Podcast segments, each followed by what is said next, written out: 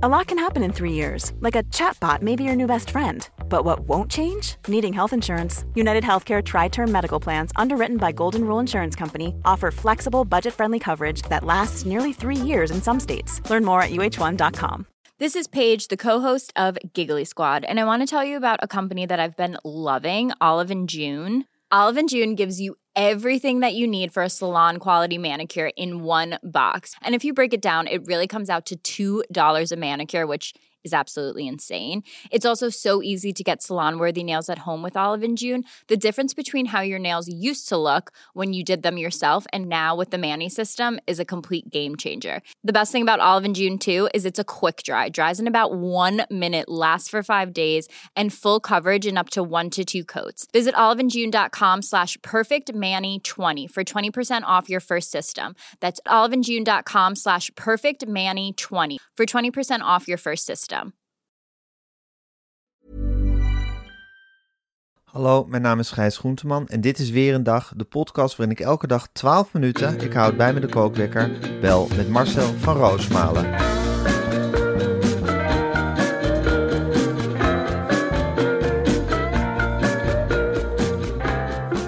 Ja, goedemorgen Marcel. Nou ja, zeg inmiddels maar slechte morgen. Laten we, laten we elkaar slechte morgen wensen. Eh, ik zit, eh, jij zit in Wormer, zoals het hoort. Ik zit in mijn hotelkamer in Lissabon. Ik kwam gisteren eh, in een zeer goede stemming van Ajax, van Benfica Ajax. De achtste finale van de Champions League, waar ik met mijn moeder en mijn zoontje heen was. Jij had lekker zitten kijken thuis. Toen hebben we gisteravond een aflevering zitten opnemen waarin we ons heel vrolijk maakten over de Twitter, de Twitterdag van Maarten Keulemans. Die bij Arjen Lubach te gast was geweest. Ja, en wat krijgen we vannacht, Marcel? Ik word wakker met oorlog, Gijs. Ja, is de oorlog uitgebroken? Daar, ga, daar gaat je hele aflevering. Ja, vind ik niet helemaal hoor. Want ik vind het ook wel een beetje riskant om met z'n tweeën vanuit Wormer en Lissabon hele grote geopolitieke conclusies te gaan trekken. Dus wat mij betreft staat deze aflevering nog wel. Ja, precies. Het is ook een beetje onjournalistiek om iets wat je al de wereld in hebt geslingerd, om dat er dan ineens weer uit, uit, te, gaan, uit te gaan slingeren. Dus we, laten, we laten de aflevering staan zoals die staat. En we, we, gaan, we, gaan, we gaan morgen conclusies trekken over wat dit voor de wereld betekent allemaal. En dan heb ik het dus niet over Maarten Keulemans, maar over de, de oorlog in Oekraïne. En dit, dit kunnen we dan beschouwen als ja, de laatste vooroorlogse nieuwspodcast. En dat is natuurlijk ook wel wat waard, vind ik. Dat, dat is ook heel veel waard. Oké, okay, Marcel, dan wens ik je een goede dag. En dan, Kijk uh... uit op weg naar de Algarve. Ja, zeker. Uh, ik blijf thuis. Voorzichtigheid is geboden. En uh, we spreken elkaar morgen dan weer. Oké, okay, jongen. Oké, okay, Marcel. Doeg.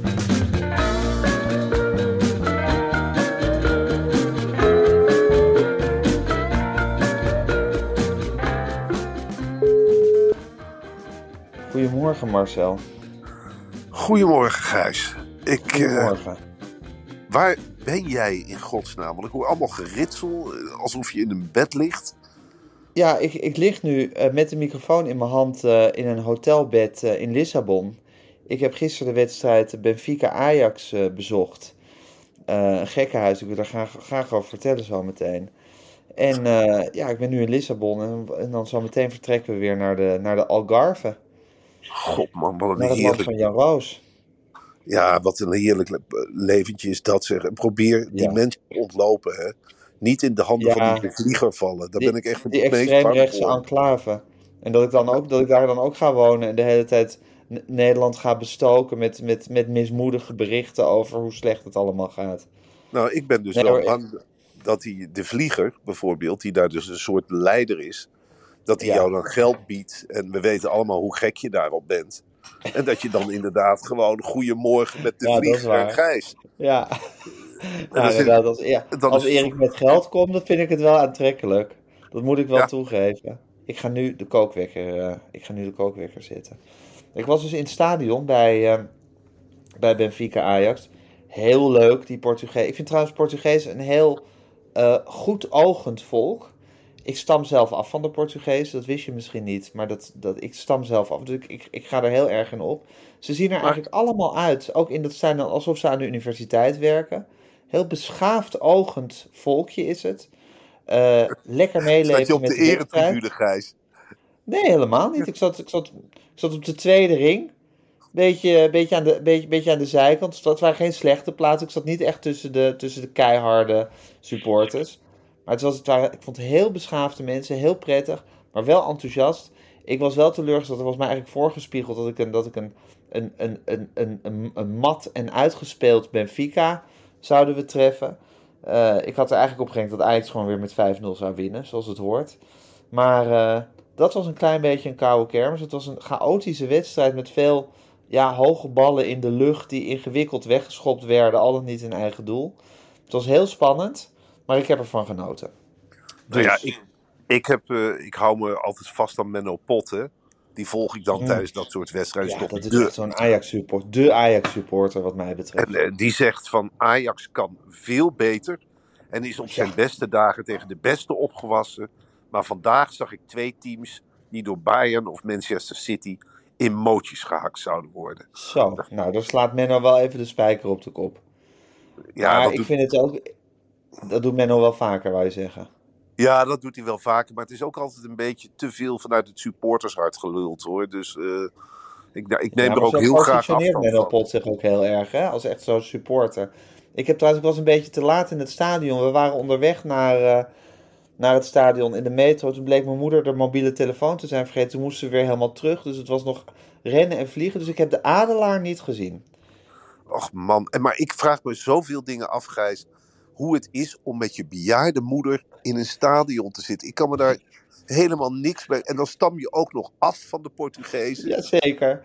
Ja, En eh, dan denk ik helemaal. Ik, ik, ik had hele scènes, weet je wel. Dat, dat, ja, hoe ze daar dan bij zit. Nou, ze heeft de vogel niet gezien. Maar het lijkt me, het lijkt me op een bepaalde manier ook ja ze, magisch. zitten be- ze zitten, ze zitten, ja, het is zeker magisch. Het is heel gezellig. Ze zit er ook altijd een beetje verbaasd bij. Ze heeft eigenlijk nooit enig idee wie, wie er precies speelt. Ja, wel Ajax tegen Benfica, maar wie welke Ajax-speler is. Ehm, eh, ze kijkt altijd een beetje verbaasd. Eh, maar ze, ze gaat wel heel erg op in het spel. En het is altijd heel, heel erg gezellig. Dus, eh, nou, dat een beetje. Maar het is inderdaad een sensatie om met je bejaarde moeder naar Ajax te gaan. Ze valt ook heel vaak bijna onderweg er naartoe. Maar ondertussen stiefelt ze wel stevig door. Ik heb er heel veel liefde voor, moet ik zeggen. Ik ben eh, vroeger ooit met mijn eh, vader naar een wedstrijd van Ajax geweest. Dat deden we bijna nooit. Maar in Ja. 1987 wonnen ze de Europa Cup 2. En Ja. Vitesse speelde eerste divisie. Toen zei mijn vader, die kende op de een of andere manier Ton Harmsen. Heel raar verhaal. Echt? En die had, ja, serieus. En die had, ja, dat is heel raar. Dat verwacht je niet. Het is ook een combinatie van twee mannen die je niet verwacht. Maar mijn vader zei, nou ja... eh, eh, eh, via Henk Bergamin ging dat, dat zeg je niks, maar die zat dan weer bij NEC. Nou, er waren kaartjes, lagen klaar bij het Olympisch Stadion in een of andere Ja, en mijn vader moest tijdens Ajax Real Zaragoza tijdens de eerste helft naar de wc. En we Ja. hebben hem pas vlak voor het sluiting, slu, fluitsignaal weer teruggezien. Dus dat Want, was wat was er gebeurd? Was hij verdwaald? Nee, dat Olympisch Stadion, er waren van die pisbakken en dat waren allemaal staanplaatsen. Je kon onmogelijk, mensen lieten je gewoon niet meer door. Dus die Nee, tijd is echt- geweest. In het, maar- Olympi in het Olympisch Stadion was het de hele tijd vechten voor je plek, inderdaad. dus eh, dat Deze Ajax Real Zaragoza, dat was die, die wedstrijd in Zaragoza in, in, met die epische regenval waar ze toen in speelden. Ja.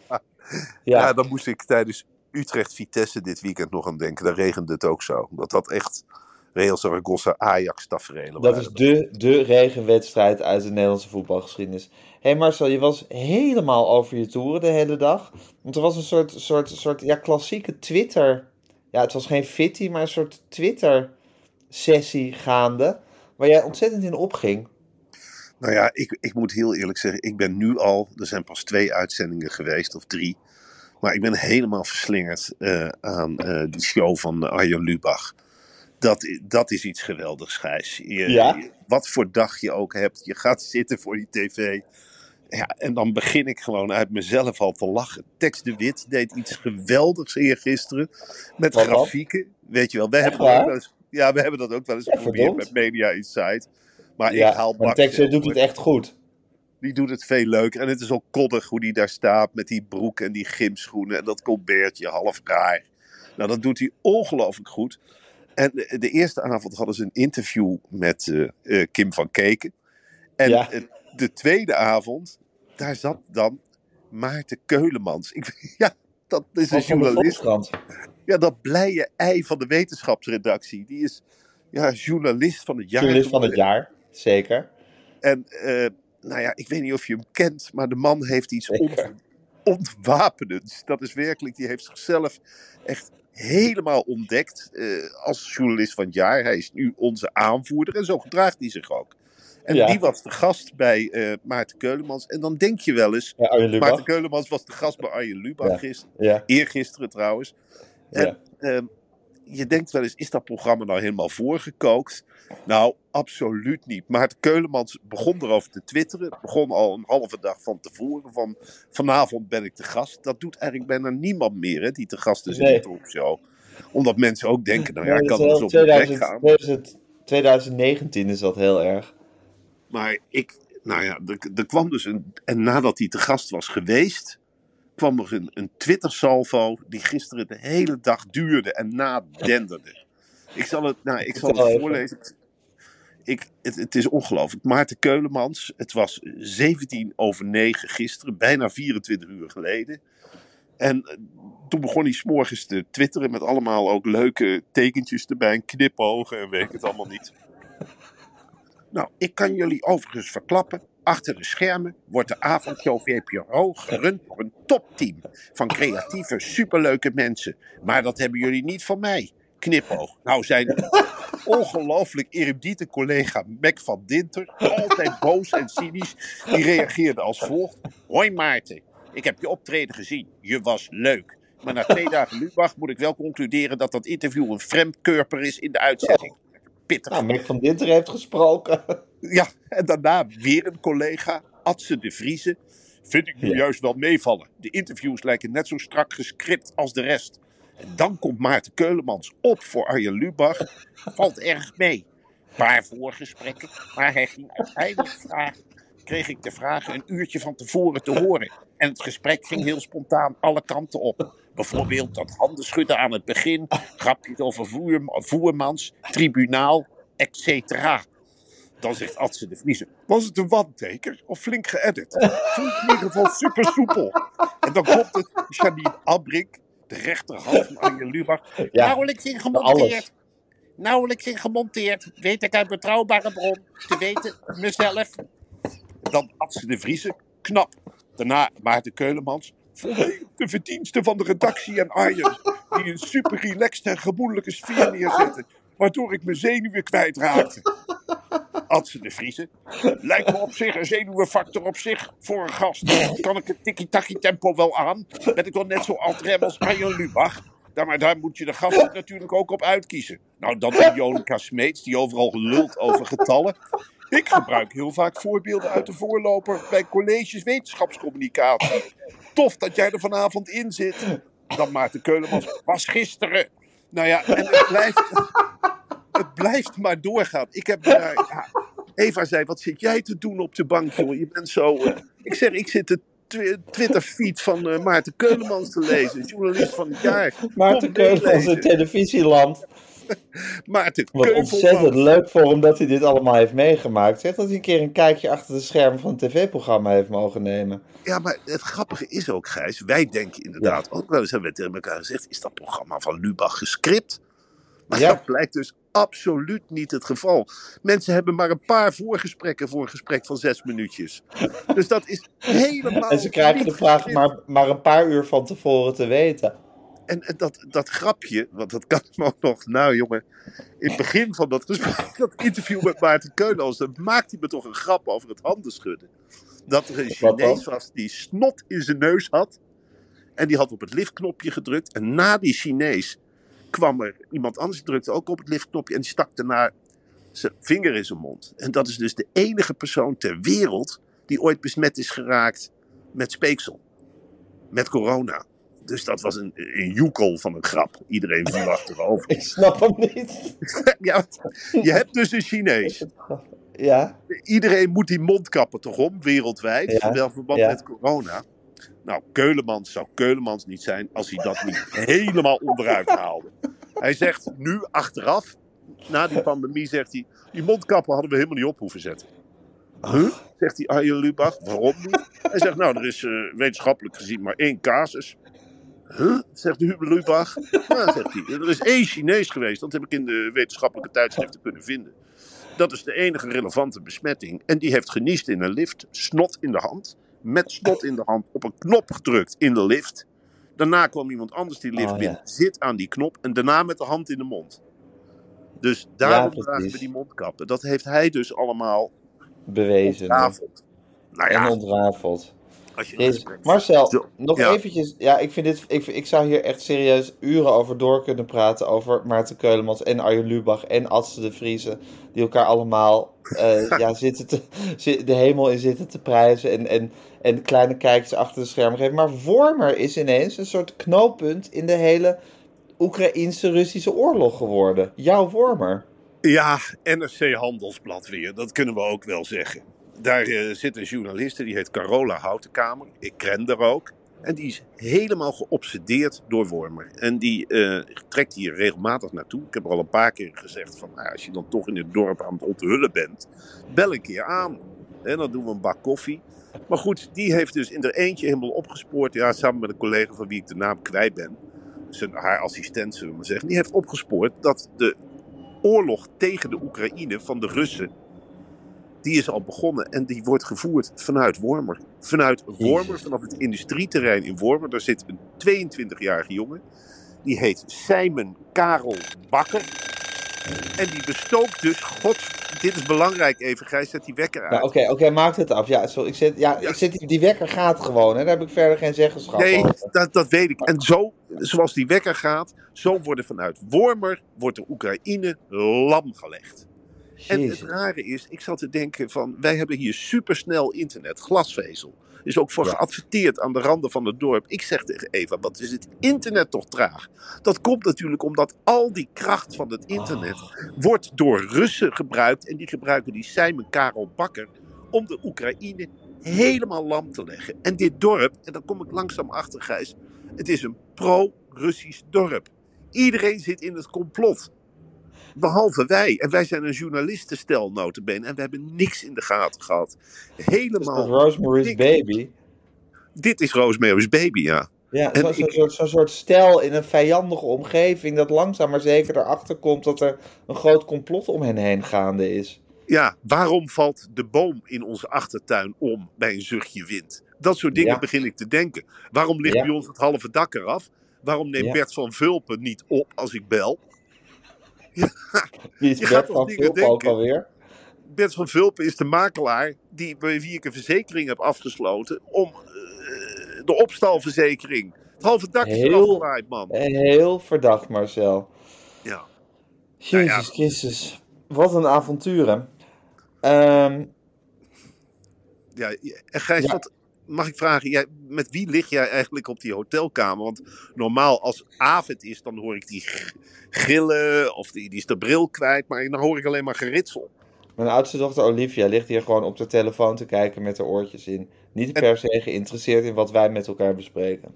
Bizar toch eigenlijk, hoe kinderen tegenwoordig hun ouders eigenlijk totaal links laten liggen. Vroeger waar wij kwamen in opstand, nu is het gewoon negeren geblazen. Ja, ja, precies. Zo van, praat alsjeblieft niet met me, ik ben even bezig met wat anders. Dat is dan het hoogste wat je kan krijgen. En is, had ik het heel- nog in het stadion? Ja, die is nog op zoek naar de uitgang. Zal ik je morgen bellen om te zeggen hoe laat ze is thuisgekomen? Ja, doe maar. Oké, Marcel. Hey, ga je er een leuke dag van maken? Ik heb eh, weer een zorgdag morgen. Het is eh mei-vakantie, of, wat, of nee, het is geen het is jezus. februari-vakantie. Ja, En, mijn eh, vakantie nou moet nog komen. Ja, De, de, de ene zorgdag rijgt zich aan de andere. het is bizar. En Ja. ja. ik noem mezelf niet snel superpapa, maar onder andere verdien ik wel een lintje. Ik zal het voor je gaan aanvragen. Oké, Marcelli, dan spreek ik je morgen. Jongens.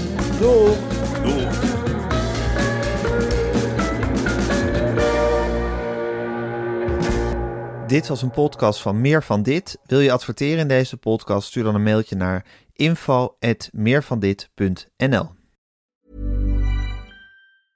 Hey, it's Paige DeSorbo from Giggly Squad. High quality fashion without the price tag. Say hello to Quince. I'm snagging high-end essentials like cozy cashmere sweaters, sleek leather jackets, fine jewelry, and so much more. With Quince being 50 to 80% less than similar brands. And they partner with factories that prioritize safe, ethical, and responsible manufacturing. I love that. Luxury quality within reach. Go to quince.com slash style to get free shipping and 365 day returns on your next order. Quince.com slash style.